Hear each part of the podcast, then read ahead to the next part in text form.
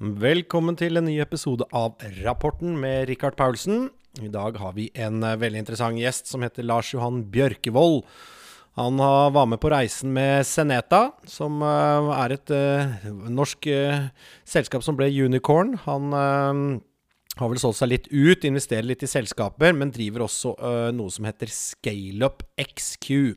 Det er et selskap som hjelper selskaper å skalere og vokse. Og de, eh, som han kommer til å si senere, har gått fra, fra 3 til 25 ansatte på, på veldig kort tid. Han, eh, han er en nestor i startup-bransjen. Han kan veldig mye. Vi skal snakke litt om hvordan det å bygge store bedrifter. Du drømmer, du har en teori, men hvordan gjør man det egentlig? Så det blir, det blir en kul eh, samtale. Eh, som eh, dere burde glede dere til. Uh, skal vi ta litt om uh, markedet, så ser vi nå at oljeprisen og aksjemarkedet faller litt tilbake. Vi har jo gjort et durabelig rally fra bunnen i begynnelsen av mars. Og nå ser det ut som det topper litt ut kortsiktig. Det faller tilbake, og det kommer av at Sentralbanksjefen i USA mener at de skal eh, taper litt eh, raskere. Dvs. Si at de skal eh, kutte obligasjonskjøpene enda hyppigere enn hva de har kommunisert tidligere. Så det vil være en innstramming av likviditeten i markedet som gjør at at det rett og slett blir mindre tilførsel av dollars. Noe som mange tror at vil eh, gå ut over da eh, aksjemarkedet og oljemarkedet. Det gjenstår jo å se. Jeg tror, det- jeg tror det ikke blir så ille. Men at det blir en roligere periode frem til sommeren, det, det, mm, det trenger ikke være noe overraskelse. Så er det jo litt sånn artig, da, hvis man skal ta en liten digresjon der. Nå leser vi jo daglig om eh, store norske kjendisinvestorer som har gjort store bett i oljesektoren. Vi har lest om Åshild Tveitereid, Magnus Halvorsen, Selina Middelfart, Edvin Austbø. Vi har lest det er en lang rekke med store investorer som har eh, tidlig eh, blitt bullish på olje, f.eks. under Ukraina-krigen eller tidligere i år. Og kjøpt seg inn i, i eh, store blue chips på Oslo Børs, som har eh, ja, rett og slett doblet seg. Så det er vel artig, men eh, akkurat nå kommer det litt negative eh, news i oljeprisen, og ting faller litt tilbake. Så får vi håpe da at ikke retail-investorer som er sent ute, kjøper nå, når kanskje noen av de store eh, letter seg litt. Så det er vel sånn eh, Det er vel en typisk syklus, det skal man ikke si det i, i aksjemarkedet. Smart money and eh, Ja, jeg unnlater å si det. Så litt om porteføljeselskapene. Jeg vil bare gratulere Mia og gjengen i Lawyard. Jeg er jo investert i et selskap som heter eh, Lawyered, som er, driver med mikrokontrakter. De har nå rullet ut eh, sin første eksterne kunde med noe som heter Ally advokater. Der leverer de en widget for mikrokontrakter. Så du kan gå på hjemmesiden til Ally advokater, og så kan du benytte deg av eh, enkelte tjenester eh, produsert av Lawyered. Så det er bare å klappe i hendene. Well done. Og så ser vi fram til eh, mange flere slike kontrakter. Jeg vil også takke alle som eh, har tatt kontakt eh, angående fundraising i Jespås. Det har gitt oss eh, mange møter nå, allerede hittil i uken, men de er helt oppe og inn i påskeuken. Så det, det blir veldig bra. Vi driver også og shiner opp websiden der litt, så gå gjerne inn på www.iesboss.no og sjekk ut hva vi driver med. Har dere andre spørsmål, så må dere bare kontakte meg. Men da tenker jeg vi tar en prat med Lars Johan. Eh, Den var veldig, veldig fin og lærerik, så heng med. Ja, velkommen eh, Lars Johan. Hyggelig å ha deg eh, i vårt digitale studio her. Takk, takk. Har du, har du en bra dag så langt? Du, jeg har en veldig bra dag så langt. Det, det er jo alltid fint å starte med sånne gode møter på formiddagen. Eh, få litt sånn ordentlig fart på dagen. Må skjerpe seg litt og igjen på podkast. Du, vi skal snakke om eh, mange ting. Du har jo hatt en, eh, en eh, lang karriere i, i både startups og vekstbedrifter som har blitt skikkelig store. Vi har lest om deg i avisen og alt mulig, og nå skal vi endelig få lov å, å tømme deg litt for informasjon. Men jeg har lyst til å starte litt, litt grunnleggende. Det er mange som har en, mange har en god idé, og veldig mange har en enda bedre teori.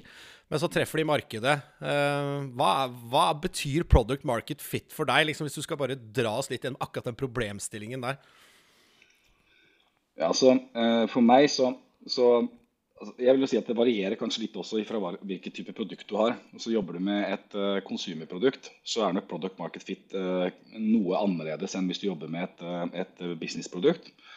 Um, men, men, hvis du skal se i hvert fall likhetene, da, så er det jo uh, når nok mennesker eller nok kunder bruker produktet ditt, slik at du faktisk ser at det er en vilje til, uh, til kjøp og gjenkjøp, da kan du gjerne si at du har et product market fit. Så jeg mener jo at uh, product, market, product market fit er ikke noe du kan finne før du har kommet såpass langt ut i markedet at du ser at det er en, en, en ordentlig bruksrate og kjøpsrate. Så eh, jeg vet det finnes mye definisjoner på det. og mange definerer product market fit som noe som de gjør før eller veldig tidlig når de skal ut i markedet. Men jeg mener at det er eh, noe du får når du er ute i markedet og ser at det begynner å virkelig ta fart. da. Mm. Det er gjentagende kjøp, eventuelt fornøyde kunder. Eh, liksom, bare det at folk bruker kronasjer på deg, overfører til deg, det, altså, da har man jo allerede halvveis der, holdt jeg på å si. Er det det du mener å si? Ja, jeg mener det. Altså Når du ser økt uh, bruk, uh, eller økt uh, antall brukere, eller økt antall salg, eller oppsalg, altså gjensalg, da, da, er jo det et godt tegn på at det du har, begynner å sitte. og da mener jeg at da har du et product market fit. Mm.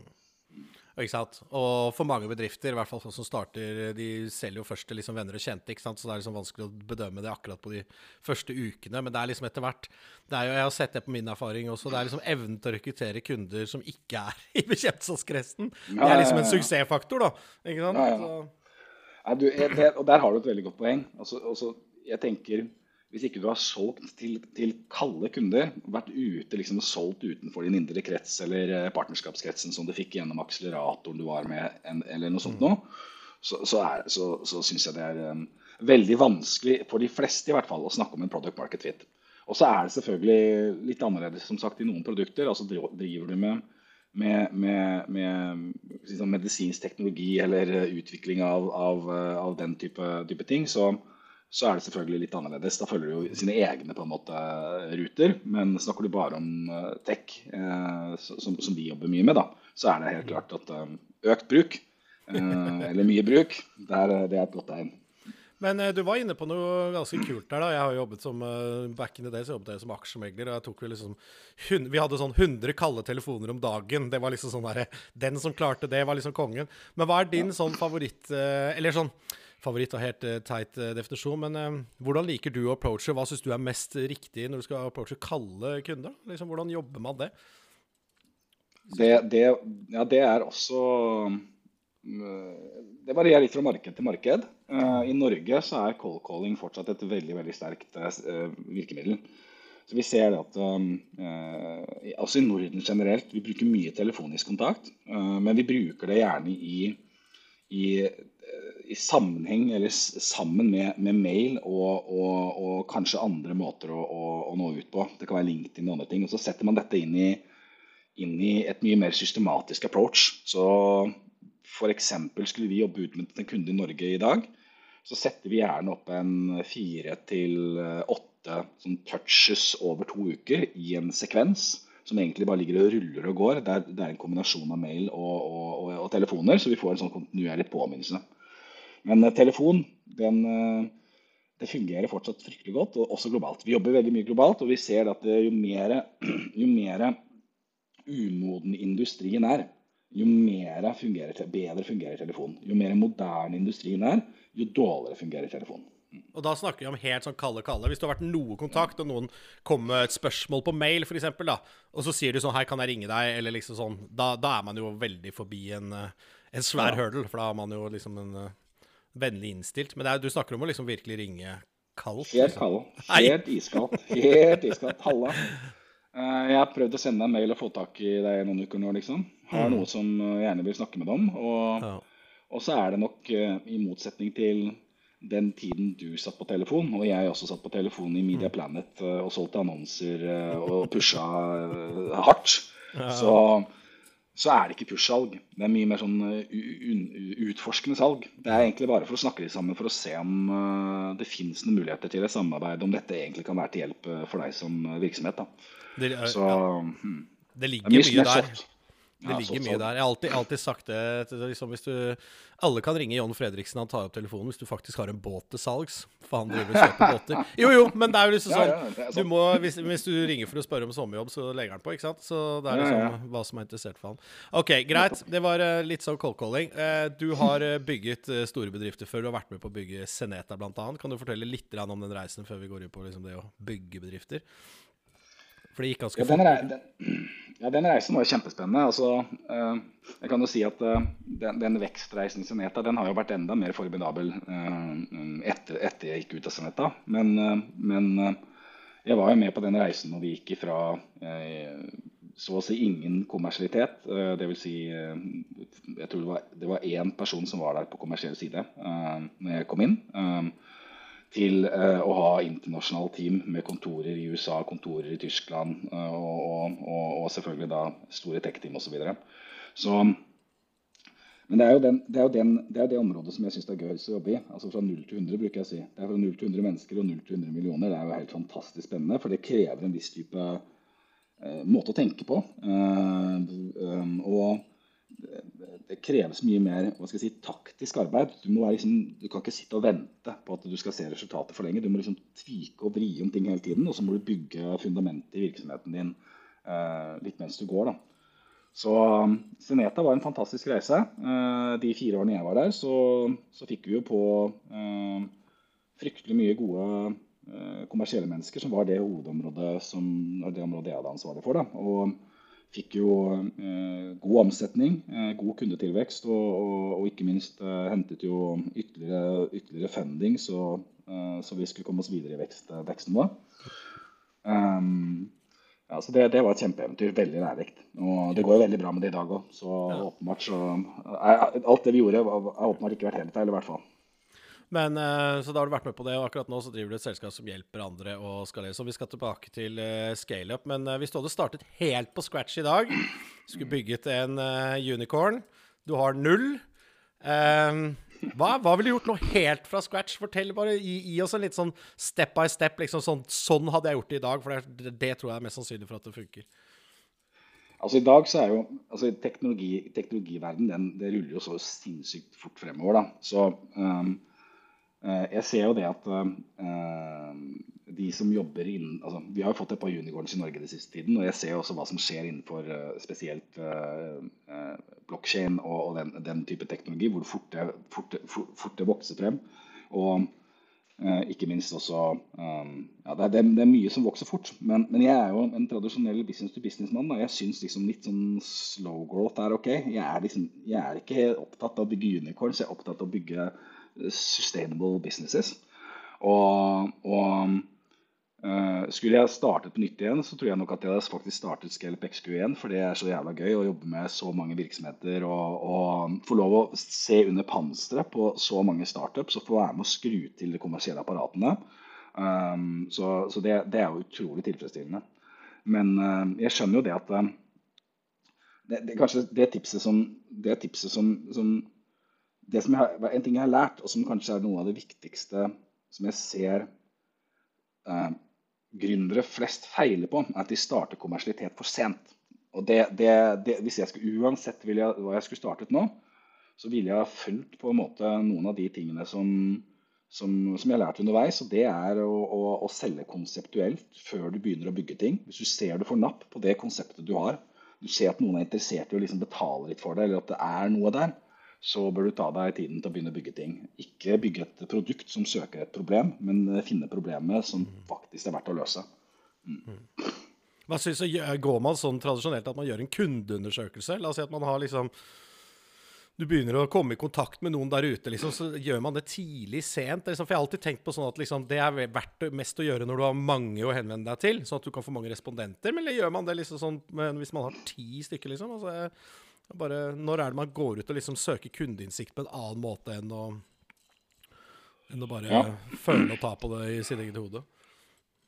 Altså, jeg, jeg syns at eh, altså, det har vært mye um, det, det, er mye snakk om product-led growth og hvordan du på en måte bruker produktet til å skape vekst. Um, mens jeg er nok en mye større tilhenger til sales-driven product development. At du prøver, du er ute og snakker med potensielle kunder, og så lytter du på hva de har å si.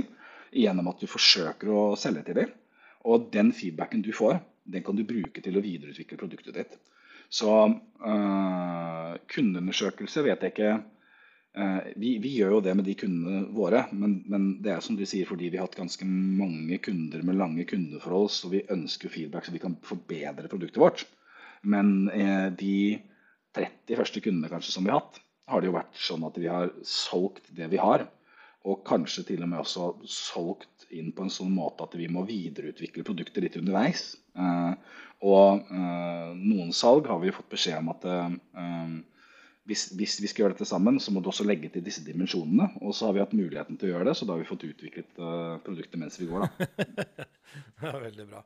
Så må vi touche innom kapital. da. Når er det du, hvordan, Hva er din approach der? Alle skulle ønske å fått en pott med penger. Mye tidlig eller lite sent, ikke sant? Men hva, hva er din strategi rundt det når du, når du hører de ordene der?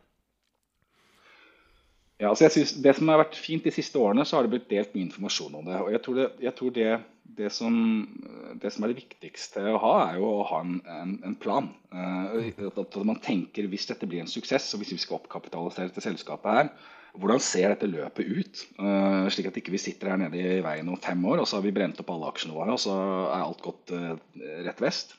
Um, så, så det å få opp en god plan for hvordan du skal oppkapitalisere selskapet uh, så tidlig som mulig. Uh, og Der finner du god informasjon. Uh, jeg vet at det ligger det webinarer der ute, og Startup Lab har hatt kurs, og en del andre banker og sånn også har hatt jeg vet Nordea holder noen sånne setups og noen sånne seminarer som er veldig spennende på det for startups. Så få den infoen, få satt opp planen, og, og, og, så, og så, er det slik at um, å vite hva du henter penger til til hvilken tid.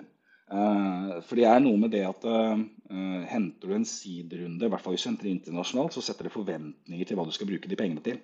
Altså Da skal du bygge på en måte et infrastruktur og et rammeverk som du da i neste fase, når du henter en typisk A-runde, skal kaste enda mer penger på og få kjempevekst. Uh, og hvis du da ikke bruker de der 12-16 månedene som du har fått gjennom de sidepengene, til å bygge den infrastrukturen og gå ut og verifisere at det funker, så kommer de mot en serie A og sier at oi, vi har ikke kommet så langt som det vi skulle. Og så må du begynne med bridge, og så må du begynne med ditt, og så begynner det å bli devaluation, og så sitter du egentlig i sånn evig loop at ikke du kommer videre. da. Så å vite hva som forventes av de pengene som kommer inn, det tror jeg også er en, eh, er en viktig, en viktig tanke, tanke å ha med seg. da. Og så vil jeg si altså en ting, og det er bare sånn, å legge til bare på slutten, er jeg syns jo noe av det mest spennende i dag er å jobbe med kombinasjonen investorer investor og bank. Da. Jeg syns det har kommet så mye gode bankordninger. og jeg, jeg, Vi snakker jo en del med, med, bankene på vegne av de selskapene som, som, som, vi jobber med, i og med at de ofte har bankforhold. Men det å, å jobbe med, med, bankkapital som matcher investmentkapital, og gjennom det slippe alle disse utvandringsrundene, det, ja, Men Kommer ikke det i form av lån, da? eller? Jo, jo, det kommer i form av lån. Det gjør det. Men, det, men for et lån så slipper du jo å gi bort aksjer. Da er det jo ja, ja. Nei, jo, jeg skjønner det, men hvis, du, ja, liksom, hvis man personlig må hefte på det og sånn, det er ikke alltid, da. Men uh, jeg, jeg, vet det var, no, var en av bank som har kjørte noen år der nå med sånn uh, Ga lån til oppstartsgründere, og så måtte de hefte privat. ikke sant? Og så når det gikk i vifta, så satt alle og skyldte noen par hundre tusen til en bank. Men uh, ja, det var ikke det du nevnte. Jeg bare digresjon. Nei, det er ikke, nei, det er ikke det jeg mente. De ordningene som er nå, er såpass gode at uh, de færreste uh, og Kanskje i en tidlig fase så er kanskje ikke det det beste, for det er liksom friends, fools og family uansett. Få tak i de penger. Men med en gang du begynner å komme ut i, i, i litt senere runder, så uh, syns jeg det er en spennende løsning. Og da er det litt andre typer heftelser også som uh, må stilles. Det kan være heftelser så i sånn kundefordringer, og uh, du kan låse en liten del av invest investeringen din bare så de har den, osv. Så, videre. så det finnes masse løsninger. Mm. Kult. Nei, men Det er bra. Men uh, litt over på ditt daglige virke nå. Du har jo, Jeg møtte deg for noen år siden. Da var dere tre stykker, tror jeg, på scaleup. Og nå er dere vel Hvor mange har dere blitt? 25 er vi nå. Mm. Ja, Og det, dere kaller det scaleup HQ? Scaleup XQ. Ja, XQ er det, ja. Jeez. Det bare... Hvor kommer XQ fra? XQ kommer ifra um, I utgangspunktet så um, Altså XQ står for execution quotient. Altså, det er det det egentlig er. Så skal du skalere opp, så må du sørge for at du uh, executer på riktig måte.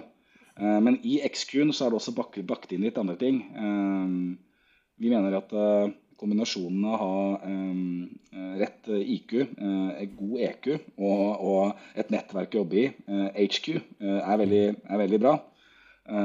og for å, for å, ikke bruke for mye bokstaver, så blir det en X da, som skjuler alt dette her. Så, og tilfeldigvis så er det også execution quotient, så det passer veldig bra. Ja, da, da ryddet du opp i et tre års langt mysterium for min del. ja, men det er bra. Ok, men dere er i full Nå er dere 25 stykker, og business uh, spruter opp. Kan du fortelle litt hva, hva dere gjør liksom, til, eh, til, publikum her nå? Ja, altså vi, vi går jo inn med, med den know-howen vi har bygget opp uh, over uh, mange år i, i, i, i, mange år i business. Altså med å bygge um, skalerbare globale salgsorganisasjoner, egentlig. Så det vi har gjort, er at vi har, vi har systematisert denne approachen. Um, og uh, bygget opp salgsorganisasjon, vår egen salgsorganisasjon, slik vi mener alle burde bygge sin salgsorganisasjon. Um, og så uh, rykker vi inn i virksomhetene når de er i et, gjerne rundt uh, dette seed-staget. noen har kommet litt lenger også, men gjerne i det seed-staget når du har fått penger for å bygge skalerbar infrastruktur og faktisk vise og bevise at det, det faktisk går an å skalere på det. Så går vi inn og så, så uh, støtter vi uh, gründerne i å bygge det kommersielle maskineriet. Få på plass uh, alt ifra salgsnarrativet ditt, posisjoneringen din, salgsprosessen din, segmentanalysen, hvem skal du selge til, CRM-systemene. alt det du trenger egentlig som en selger for å være supereffektiv i hverdagen. Og så går vi ut med teamet vårt. og gjør jobben basert på den blueprinten vi har satt opp, eller det rammeverket vi har satt opp, for å bevise at dette er den måten vi jobber på. Og gjennom det så selger vi sammen med kunden mens vi bygger, bygger organisasjonen deres. Og for flere og flere kunder så, så hjelper vi det også da i rekruttering. Så vi, så vi, de kan gjerne bruke ulike rekrutteringspartnere, men, men, men, vi er med i rekrutteringsfasen og omborder da disse menneskene. Og sakte, men sikkert så er planen at vi skal dra oss ut. Og så skal de sitte med sine egne selvstendige kommersielle organisasjoner som mm. ruller og går, uten at de trenger hjelp fra noen eh, som oss eller noen andre. Mm. For det å bygge en kommersiell organisasjon er ikke noe alle er skapt til å gjøre. på en måte. Det er, det er Mange har en god idé. Det er, eh, det er metodikk her òg. Ja, det, er veldig, det er veldig mye systematikk uh, som ligger i det. Og uh, det, jeg tør påstå at de færreste uh, har jo erfaringen fra å gjøre det med suksess. Og, og, og, og, ofte så kommer jo da Får man kanskje inn en, en salgssjef da, eller, eller, en VP Sales som ikke har vært igjen dette før. Og, da er det lett å gå i den fella at du selv begynner å gå ut i markedet og selge veldig mye, men så glemmer du å bygge det rammeverket som du skal rekruttere andre inn i, og få andre til å være effektive i. da. Så um, det er enormt uh, behov for den kompetansen og den know-howen. og Vel, det du gjør, du bygger jo eh, systemverdi, basically. da, så Hvis du mister en person, så kan en annen bare sette seg ned i stolen og ta over. ikke sant? Mm. Helt riktig. Mm. Gå fra salgsperson til salgsprofesjon, og ikke minst uh, se på hva er det som er uh, likt når det kommer til salg globalt. Uh, noe som er kanskje 80% er likt, og det er systemverdien. Og så er det kanskje 20% eller 10% som er ulikt, som er mer sånn lokalbetinget og kulturelt. Så Hvis du da har systemverdien fra det like, og så setter du på det lokale styrkene fra det som er ulikt, så får du en ekstremt effektiv salgsmaskin. Så, og det er jo det vi gjør. Så vi sitter jo med internasjonalt miljø her i Norge. Vi har jo hentet folk inn fra, fra USA, eh, Tyskland, Nederland, eh, eh, også ikke minst Norge og, og en del andre land nå. Så bygger vi et internasjonalt salgsmiljø. Og neste fase nå så så ruller vi også ut da, og, og, åpner huber i de markedene som er kanskje vanskeligst å komme inn i. Første hub er planlagt å være Tyskland. Og Da handler det om å bygge lokal tilstedeværelse, slik at vi kan ha et tyskt apparat som kan hjelpe norske virksomheter å, å, å gå inn i Tyskland og få tak i salg der nede. da. Veldig kult. Mm. Ja, nei, men Det er bare å vokse, vokse og stå på det. Synes, bare litt sånn generelt, da. Hva, nå har jo liksom verden har vært gjennom liksom en liten krig, det er oljeprisen har gått i taket, det er liksom usikkerhet. Mange som ser på børsen, de ser jo det svinger. Merker du noe liksom på business sentiment? Er liksom, hva snakker kundene dine om? Er man mer passive? Ønsker man nå å gi gass, eller hva, hva, har du sett noen reaksjoner der ute? Det som, er, det som jeg synes er interessant, Vi snakker jo en del om dette, og eh, i andre fora også uh, utenom, um, utenom um, Skelepeksku. Um, men det som jeg synes er interessant, altså Vi er jo en veldig spesiell, spesielt sted for øyeblikket. altså Verdensøkonomien skjelver jo, og, og, det er jo uh, noe som alle peker på. Uh, vi har akkurat vært igjennom en pandemi som har gjort at vi har tvunget fram en, en digitalisering av virksomheter. Så vi, så vi, har på en måte vært, tatt et par digitaliseringssteg. Vi har en startup-boom som er den største globalt noensinne. Det spås at de neste si, si sånn, De forrige ti årene så var det lagd, eh, skapt 700 eh, unicorns ca. Og det, det, ligger en spådom at de neste ti årene så skal det bygges 7000. Så det er jo en enorm boom eh, og et mylder av, av selskaper.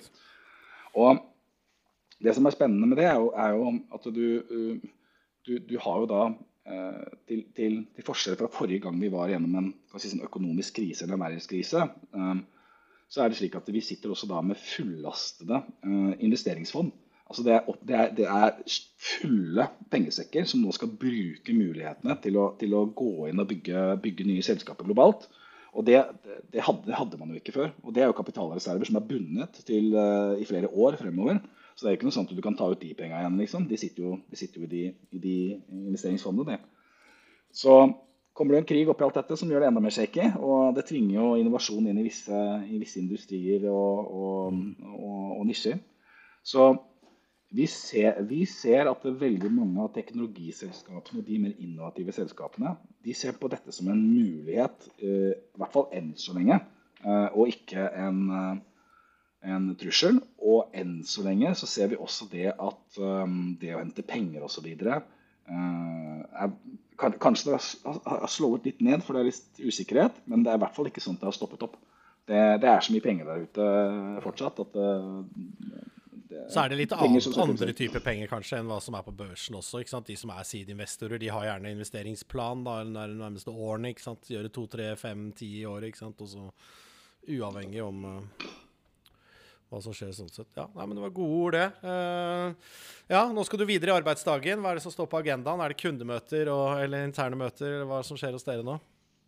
Ja, Det er uh, stort sett en kombo. Vi, uh, vi Det går jo mye kundemøter. altså Vi har jo vært heldige.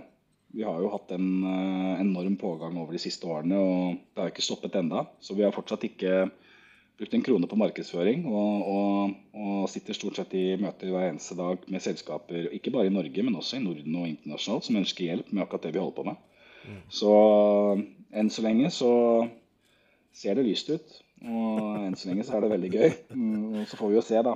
Hvis det plutselig begynner å eskalere litt, eh, litt, litt eh, når det kommer til usikkerheter, så vet man det ikke. Men enn så lenge så ser det i hvert fall eh, ganske lovende ut. Kult. Ja, men takk for at du kom. Vi, så tar vi en prat etter påske, vi, vet du, Lars Jan. Veldig, veldig hyggelig å ha deg her. Yes, vi tar en prat. Det var veldig hyggelig å få lov å komme.